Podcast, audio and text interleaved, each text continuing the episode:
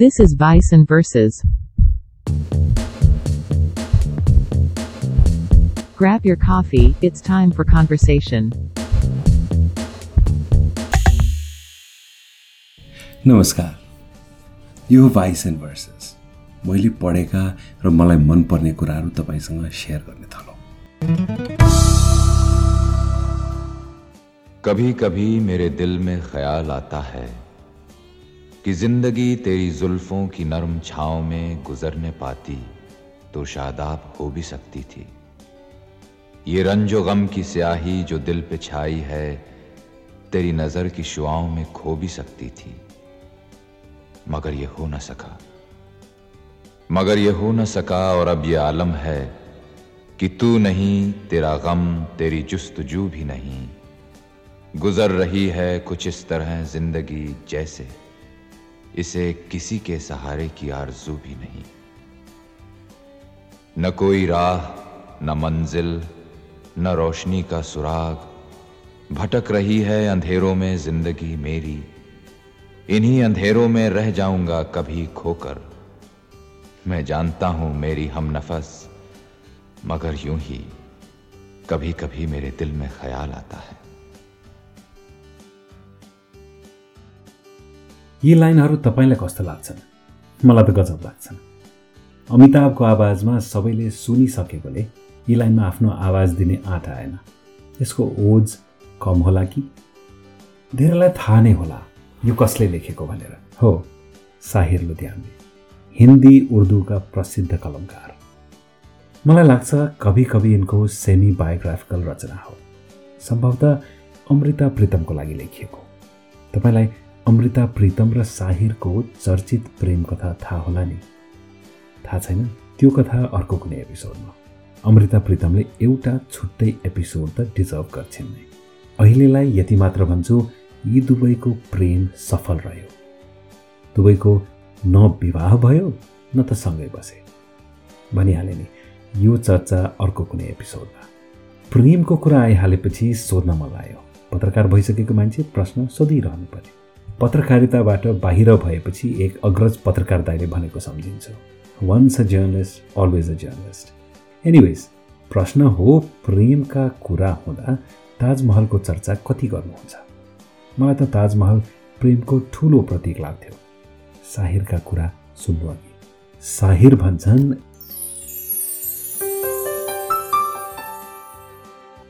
एक शहनशाह ने दौलत का सहारा लेकर हम गरीबों की मोहब्बत का उड़ाया है मज़ाक। मेरे महबूब कहीं और मिलाकर मुझसे। जबकि साहिरकै समयका अर्का चर्चित शायर गीतकार शकील बदायूनी लेख्छन्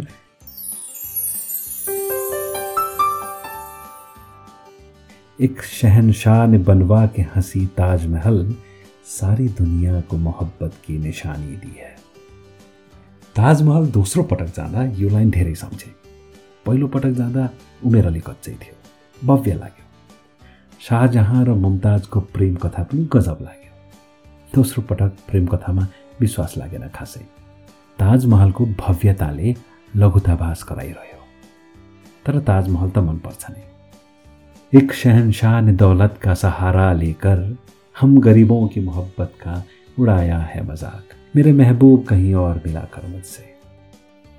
साहिर मनपर्ने धेरै कारणमध्ये यो एउटा हो उन्नाइस सय एक्काइसमा जन्मेका अब्दुल हईले आफ्नो नाम राखे साहिर।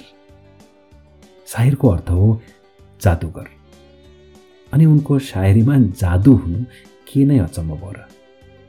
एउटा कथा सुनाउँछु। एकपटक साहिर लुधियानवीले जानेसार अख्तरसँग भनेछन् हो जानेसार अख्तर जावेद अख्तरका पिता यार जानिसार अब तिमीलाई पनि पद्मश्री दिइहाल्नुपर्ने हो। पद्मश्री भारतीय सरकारले दिने एउटा सम्मान हो। जानिसारले प्रश्न गरेछन् किन नि साहिरको जवाफ थियो अब हमसे अकेले ये जिल्लत बर्दाश्त नहीं होती। यो लाइन नेपालीमा ट्रान्सलेट गर्ने जरुरत गरिएन। वर्ष दुई हजार एक्काइस साहिरको जन्म शताब्दी वर्ष थियो। एक मार्क्सवादी नास्तिक शायर जो मौका पाउन साथ भगवानको उछितो काट्थे त्यही कविले अल्लाह तेरो नाम ईश्वर तेरो नाम लेखे भन्दा अचम्म लाग्ने। साहिरलाई पहिलोपटक एक प्रड्युसरले भजन लेख्नभन्दा उनी तर्सिएछन् र आफ्नो मित्र फिराक गोरखपुरीलाई बम्बई बोलाएछन्। साहिरले बच्चा छँदा गुरबानी सुनेका कारण गुरुहरूले मात्र भजन लेख्न सक्छन् भन्ने लाग्थ्यो। फिराकको संस्कृत राम्रो भएको कारणले उनले साहिरलाई संस्कृत अलिअलि सिकाएछन्। कालान्तरमा साहिर जस्तो त्यो जेनेरेसनमा भजन लेख्ने कोही भयो साहिर पहिलो गीतकार थिए। भारतमा गीतको रोयल्टी पाउने। मलाई के लाग्छ भने विश्व महिला दिवसका दिन जन्मिएका साहिर फेमिनिस्ट पनि थिए। अमिताभ बच्चनको एकदम नाम चलेको सिनेमा त्रिशुल याद छ? मैले नब्बेको दशकमा हेरेँ। त्यो सिनेमामा वहिदा रहमानले मजदुरी गरेर आफ्नो छोरा पाल्छिन् जो पछि अमिताभ बन्छ। तर वहिदाले गाउने गीतमा कमज़ोरी होइन आक्रोश र आँट छ।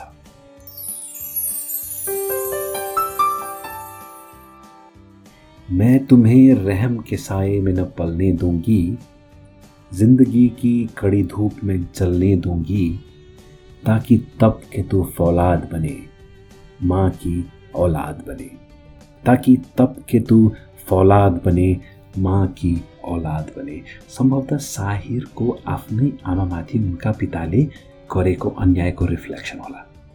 जहाँ उनी महिलालाई बलियो देख्छन् र पेट्रियार्कीले गरेको अन्यायको चर्चा गर्छन्। अर्को एउटा पावरफुल गीत छ साहिरको।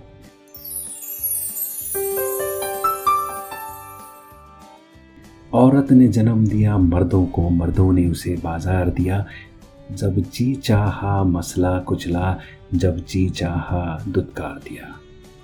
उन्नाइस सय अन्ठाउन्नमा लेखिएको यो गीत अहिले पनि सुन्दा मेरो गुज बम्स आउँछ लाइन दोहोऱ्याउँछु औरत ने जन्म दिया, मर्दों को मर्दों ने उसे बाज़ार दिया। जब जी चाहा मसला कुचला, जब जी चाहा दुत्कार दिया। तुलती है कहीं दीनारों में, बिकती है कहीं बाजारों में। नंगी नचवाई जाती है अयाशों के दरबारों में।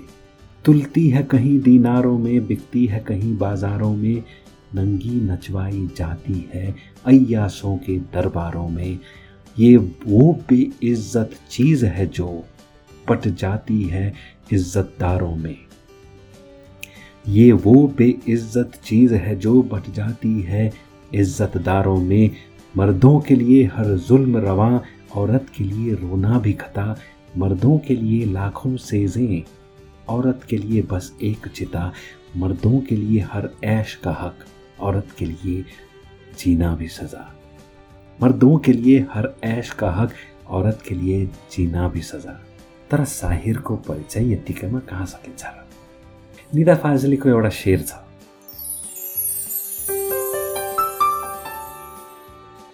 हर आदमी में होते हैं दस बीस आदमी, जिसको भी देखना हो, कई बार देखना। हर आदमी में होते हैं दस बीस आदमी, जिसको भी देखना हो, कई बार देखना। हामीहरूमा हुने मल्टिट्युड्स दर्शाउँछ यो लाइनले र साहिरलाई अझ राम्रो वर्णन गर्छ क्यारे तेइसको उमेरमा आफ्नो गज़ल सङ्ग्रह छपाउने सायरले फिल्मी गीत लेख्न थालेपछि गजललाई बिर्सिएको आरोप पनि छ। तेइसको उमेरमा गजल सङ्ग्रह तलखिया छपाउने साहिरले मात्र एउटा अर्को पुस्तकाकार कृति लेखे पर्छाइन् साहिर नै ती शायर हुँ जसले लेखे ये दुनियाँ अगर मिल भी जाए तो क्या है? फिल्मी सफलताले उनलाई साह्रै घमण्डी बनायो भनिन्छ यो लाइन सुन्दा पनि पत्यार्नै नलाग्ने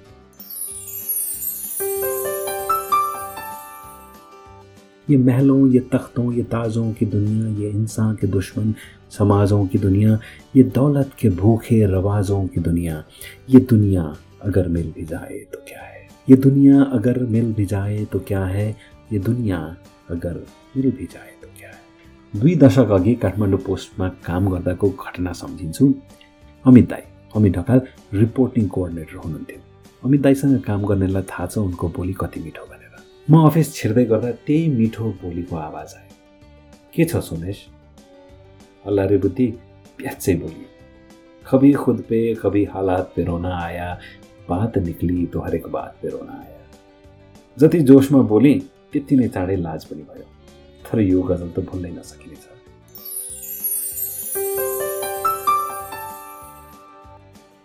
हम तो समझे थे कि हम भूल गए हैं उनको क्या हुआ आज? ये किस बात पे रोना आया किस लिए जीते हैं हम? किसके लिए जीते हैं?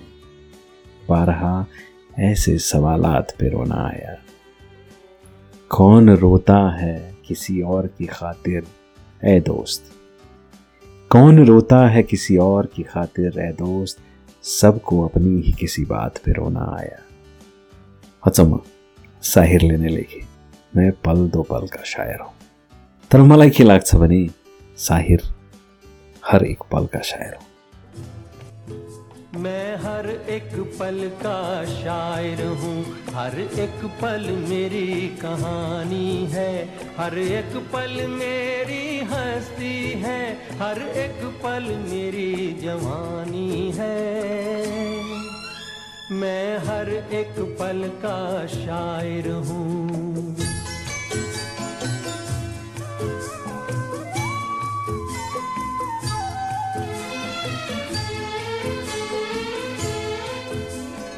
रिश्तों का रूप बदलता है।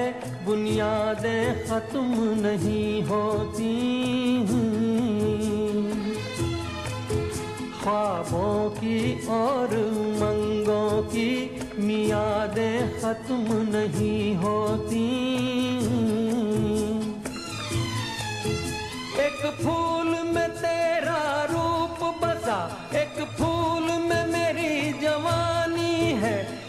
चेहरा तेरी निशानी है, एक चेहरा मेरी निशानी है।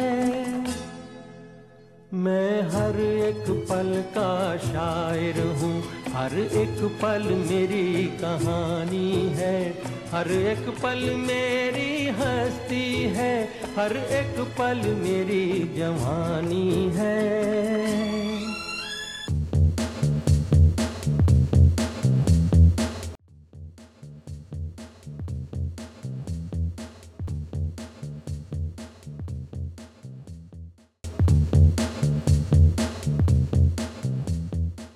भाइस एन्ड भर्सेस कस्तो लाग्यो?